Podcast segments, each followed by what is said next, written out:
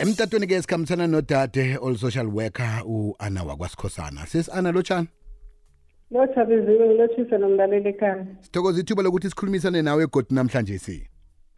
Ethokoza aha-ke inyanga yokunikela inyanga yakatata ngiyacabanga ukuthi eh niphasi phezulu ni-association for persons with uh, disabilities. Nayizolo ngiyacabanga ukuthi niligidike kuhle.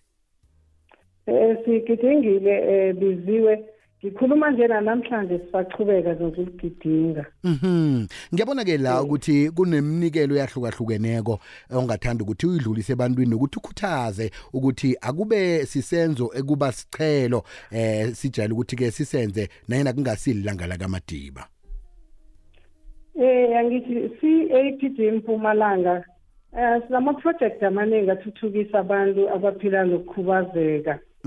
Eh ema-ofisini ethu amahlanu esinawo empuluzi e-akhonhook emasulu embombela nenkomazi.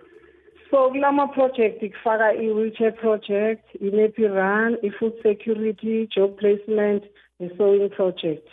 Eh ku-wheelchair project sinikela abantu abasebenzisa ama-wheelchair ngama-wheelchair ukuthi nabo bakhona ukuhlanganyela emphakathini. Bese kunepi run nakhona sihelebha labo. Kukhona abantu ababeregisa amaleyra everyday siyayenza njalo ukuthi nabo sibasize ngenhlabagelo ezimaleyra ukudla sihelebha abantu abakhubazekile nemindeni abo labo abahlogako biziwe Mm. bese ku-job placement sihelebha bona abantu abatsha abakhubazekileko ngokubafunisa imbereko enkampanini ezihlukahlukeneko. Bese ku-sewing project yona besine sitraine thirty yabantu abatsha ebesibadivide ngama-group of ten bese nasiqeda ukubatraina labantu abatsha sibapha iskill sokuthunga banikezwa five yomshini bese bazirejistela ikampani abo-ke bese sibapha inhlabagelo ze-startup material ukuthi bakhona ukuzijamela bangadiphendi khulu kuma-grant Mm. Alo nina zonke into enibasiza ngazo ezinizithola phi mhlawumbe niyazithenga namtjana nizithola kurhulumente? Eh izinto esikhuluma ngazo ngikho nje nganje sizokubawa siyabawa umphakathi wonke nabosomabhizinisi abalaleli kwekwezi FM ukuthi basihelebhe ngeminikelo. Thina sihla njengoba sihlangane engenzi inzuzo nje siphila ngawo ama-donation ukubawa bese siyathatha-ke thina sisakibo laba abahlogako njengoba ngikhuluma nje namhlanje abalingani bami baphumile basematsulu lapho abanikela khona ngama-wheelchair angango-twenty-five ebantwini abahlogako lapha sinikelwe khona isilulumazi project Mhm. Njekomunye angathi thina siyihlangano yabantu eh abakhubazekileko singangena njani ehelweni ukuthi nathi sizuze nayikhibe kunomuntu ovelileko wathi mina ngikhona ukuthi ngisize ngalokho engakhona ukunikela ngakho. Eh omunye nomunye umuntu ubiziwe ngathi uvumelekile ukuthi avele ngizathinta inomboro zomtato ekupheleni kwehlelo ukuthi angasithinta sikhulumisane ngokuthi angahelebha njani Mhm.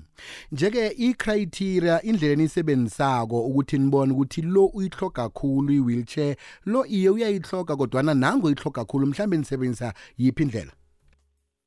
Eh siberegisa kakhulu ama-assessment ama-home visit ngoba ngikho ukuthi nasivakatshele ngekhaya ukubona umuntu okhubazekile siyakhona uku-assessa ubujamo bempilo ngekhaya nabazemali nokuthi yakhe mhlambe ilimele kangangani ngoba ukhona umuntu oyihlogayo uthola ukuthi yakhe ilimele mara ayikalimali isakhona ukuhamba uyabona? So kakhulu sicalelela sicala lokho ukuthi kulo onganayo total naloyo yakhe engasakhambi total ukuthi naye afune ukuba iphathi emphakathi Mhm. Abanye abantu ke abakhubazekileko bakude nendwezi, bakude nendaba zama office eh wenhlangano ezifana neyenu le. Mhlambe eh yenu le Association for Persons with Disabilities. Ama office ayo akuphi?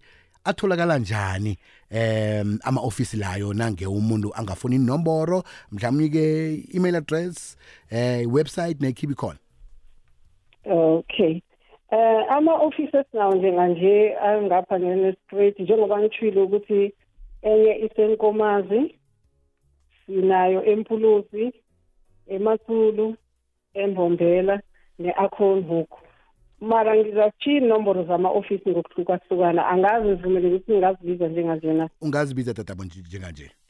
Okay mbombela office is zero one three.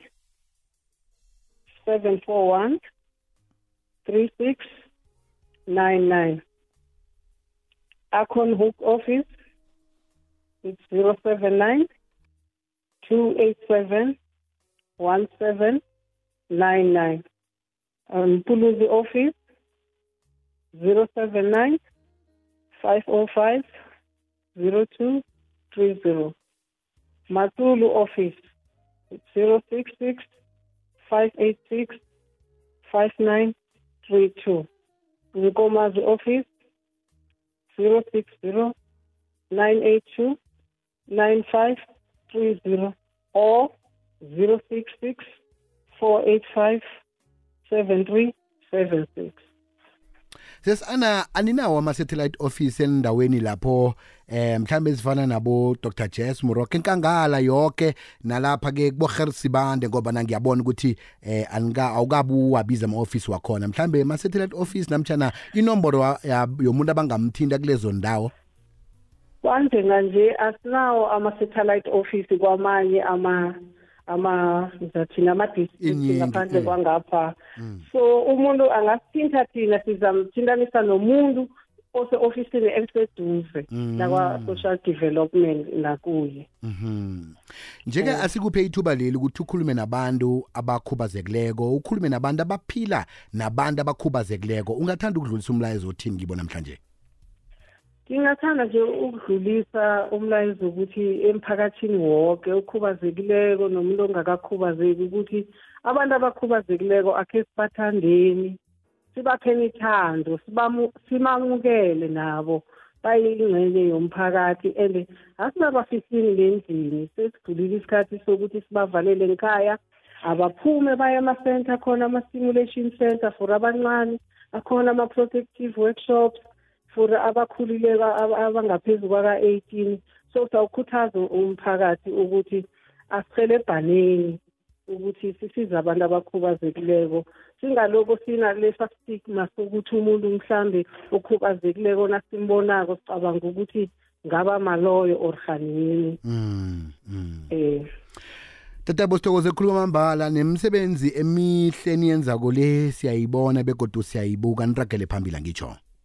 Thokoza thina bisiya sithokoze khulu kwamambala ebesikhulumisana naye ngudade u-ana wakwasikhosana usebenzela Asso- association for persons with disabilities eh, usebenza njengonohlala kuhle kulelo hlangothi i-social worker. Qabanga ukuthi-ke udobhadobhile. Kanti-ke ungakhona ukuthi ulithole leli hlelo ukwazi ukuthi ulabelane nabanye ngokuthi uthinge lapha ku-www ikwekwezfm co za uthinge lapha ekuhlolwe khona podcast ukhona ukulilalela ubuyelele ubuyelele nenomboro lezi khona ukuthi uzithole ngendlela efaneleko bo ulithathe ulabelane nabanye.